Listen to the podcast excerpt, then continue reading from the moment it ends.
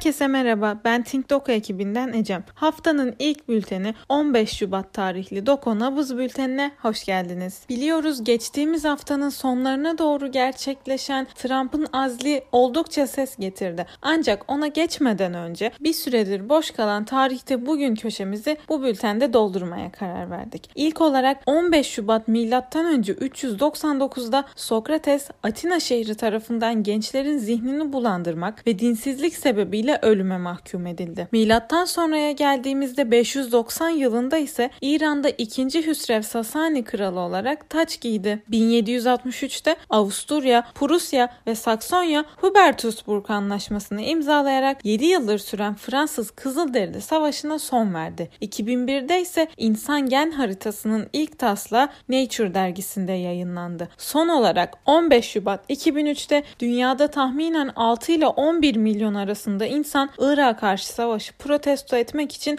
sokaklara döküldü. Tarihte bugün köşemizden bu bültenlik bu kadardı. Gelin Trump'ın azli ile ilgili olan başlıkla bültenimize başlayalım.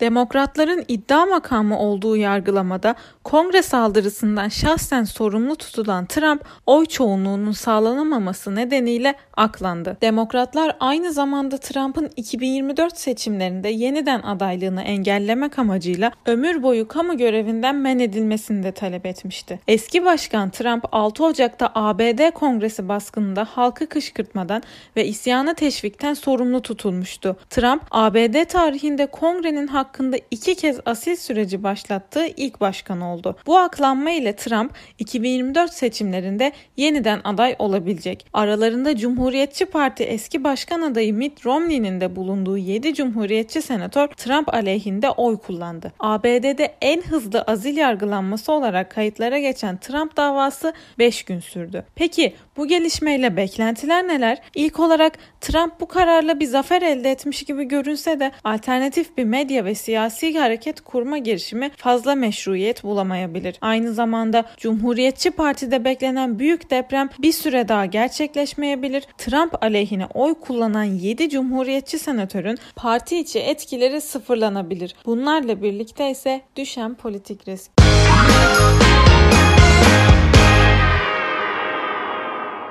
Rusya muhalefetinde Rus komünistler bölündü. Navalny'nin hüküm giymesi Rus Komünist Partisi'nin Kremlin'e yakın liderliğiyle radikal dip dalgası arasında bölünmeye yol açtı. Putin'in Rus toplumunu kontrol amacıyla kullandığı naylon muhalefetin tabanı ile çelişmesi Navalny'nin sanılandan daha büyük bir desteğe sahip olduğunu ve gittikçe bir muhalefet çatısı kimliğine yaklaştığını kanıtlar nitelikte. Bunlarla birlikte Rus muhalefetinin Navalny-Navalyana altında birleşmesi muhtemel aynı zamanda naylon Rus muhalefetinin işlevsizleşmesi, Putin'in daha sert tepkilere yönelmesi ve yükselen politik risk diğer beklentiler.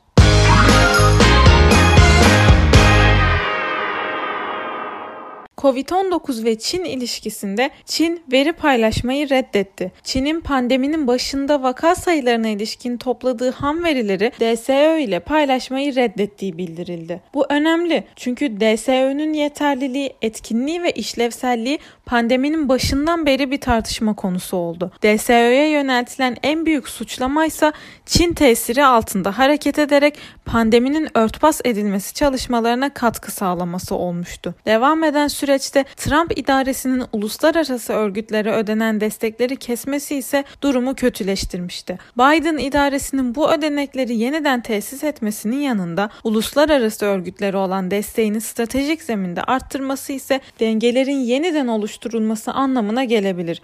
Bununla birlikte Dünya Sağlık Örgütü üzerindeki devam eden Çin etkisiyle Çin'in zorbalık yapabilme kabiliyeti nedeni Çin'in bu pandemiden olan sorumluluğunu tartmak henüz tam manasıyla mümkün olmuyor. Peki bunlarla beklentiler neler? Öncelikle ABD-Çin arasındaki büyük güç mücadelesinin uluslararası örgütler üzerindeki nüfuz meselesi celsesinde derinleşmesi, DSÖ'nün acziyeti sebebiyle uluslararası örgütlere ve pandemiye yönelik kuvvetlenen şüphecilik ve yükselen politik risk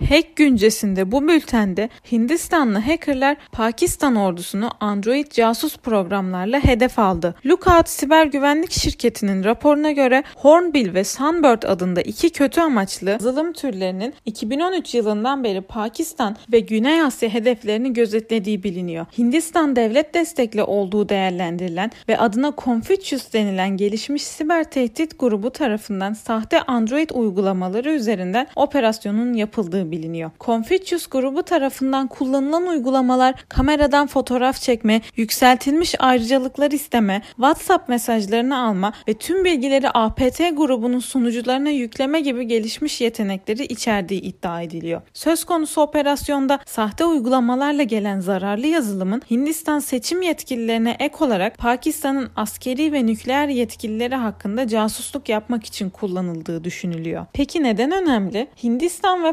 Pakistan'ın siyasi çatışmalarının bir yansıması olarak devletlerin istihbarat teşkilatları bünyesinde sürdürülen operasyonlara siber faaliyetler de ekleniyor. Siber saldırıların çeşitliliğine ek olarak zararlı yazılımlar içeren ve casusluk faaliyeti yürüten sahte programlarla da devletler birbirlerine hedef alabiliyor. Hindistan destekli hacker gruplarının Pakistan ordusunu hedef alması da bu tarz operasyonlar bağlamında değerlendirilebilir. Özellikle askeri alanda görev yapan devlet görevlilerinin ve kritik askeri teknolojilerini saldırıya uğraması manidardır. Hindistan'ın Pakistan nükleer gücünün mevcut durumunu tespit edebilmek için bu tip girişimlere yönelmesi sıra dışı algılanabilir. Gelecek dönemlerde siber araçlar üzerinden nükleer sırları öğrenmek için yürütülen casusluk girişimlerinin diğer devletlerde de kullanılabileceği düşünülebilir.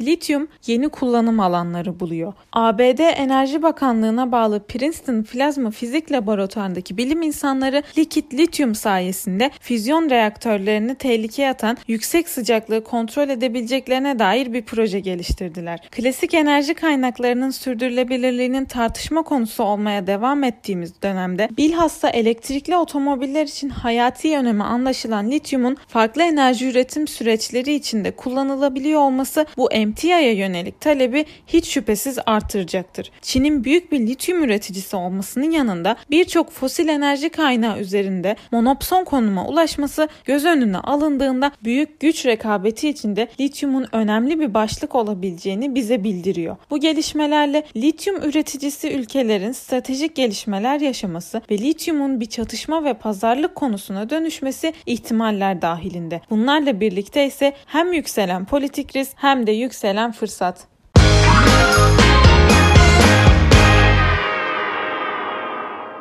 Körfez'de Dubai'nin borçları belirsizliği arttırıyor. Dubai'nin borçları yıllardır soru işaretleri yaratan bir konu olmakla birlikte Covid-19 ile etkilenen ekonomiden sonra belirsizliği arttırıyor. Dubai yönetimiyle bağlantılı şirketler bir senedir yüzlerce milyon dolarlık borçlarını ödeyemeyeceklerini belirtirken bunlar arasında Dubai Holding öne çıkıyor. Dubai'nin uzun yıllardır konuşulan ve yatırımcıları ürküten borçlarını kimin ödeyeceği sorusu hala tartışılıyor. Emirliğin siyasi yapısı sebebiyle piyasalar bu borçların sonunda Dubai yönetimi tarafından ödeneceğini beklerken Dubai'li bazı yetkililer ise borçların özel şirketlere ait olduğunu ifade ediyor. Bu durum ciddi bir finansal riskin habercisi. Benzer bir durum 2008 krizi sırasında da yaşanmış. Dubai'nin borçlarının bir kısmını Birleşik Arap Emirlikleri'nin merkezi olarak kabul edilen Abu Dhabi tarafından ödenmişti. Aynı durum Covid-19 sebebiyle bir kez daha ortaya çıkmış oldu. Bununla birlikte 2018 benzeri bir şekilde Abu Dhabi bir kez daha devreye girerse Bae Veliaht Prensi Muhammed Bin Zayed çizgisinin emirlikler üzerindeki nüfuzu perçinlenebilir. Dubai içinse politik risk yükselebilir.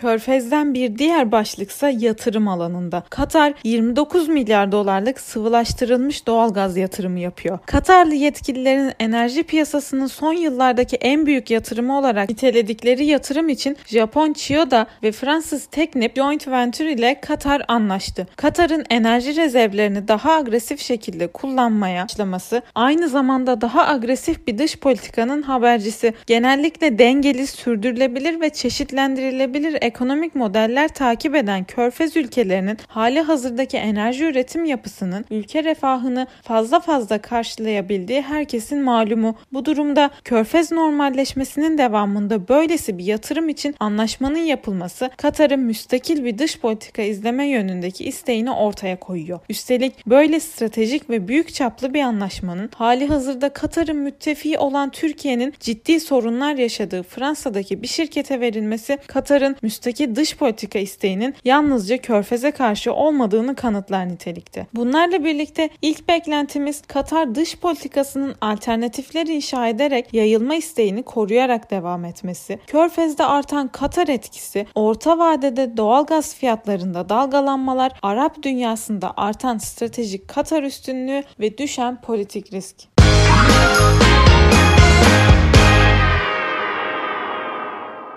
Çin ve gıda konusunda Pekin'in rekor tahıl talebi piyasalarda tahılın fiyatını son 8 yılın en yüksek seviyesine ulaştırdı. Bu neden önemli? Çin'in korkunç ekonomik gücü ve ithalat ile nüfus satın alma üzerinden oluşturduğu dış politika anlayışı dünya için ciddi bir tehdit oluşturmaya devam ediyor. Enerji pazarında gitgide monopson olmaya yaklaşan Çin, benzeri bir adımı gıda pazarında da atmaya hazırlanıyor olabilir. Çin'i doyurmak için çalışan bir dünya fikri yakın bir zaman zamanda pesimist bir espriden korkutucu bir gerçekliğe dönüşebilir. Üstelik Çin'in zorbalık yapmaktan çekinmiyor oluşu ve ithalat üzerinden satın aldığı nüfuzunu yumuşak güç ile mezcetmek suretiyle geliştirdiği köklü etki de düşünülünce Çin'in oluşturduğu tehdit daha iyi anlaşılıyor. Bu anlamda Çin'in çeşitli pazarlarda monopson olma girişiminin devam etmesi ve stratejik emtialar üzerinde monopson olmak suretiyle hakimiyet kurması beklentiler arasında. Aynı zamanda Çin'in bu pozisyonunu siyasi nüfuza tahvil etmesi ve yükselen politik risk.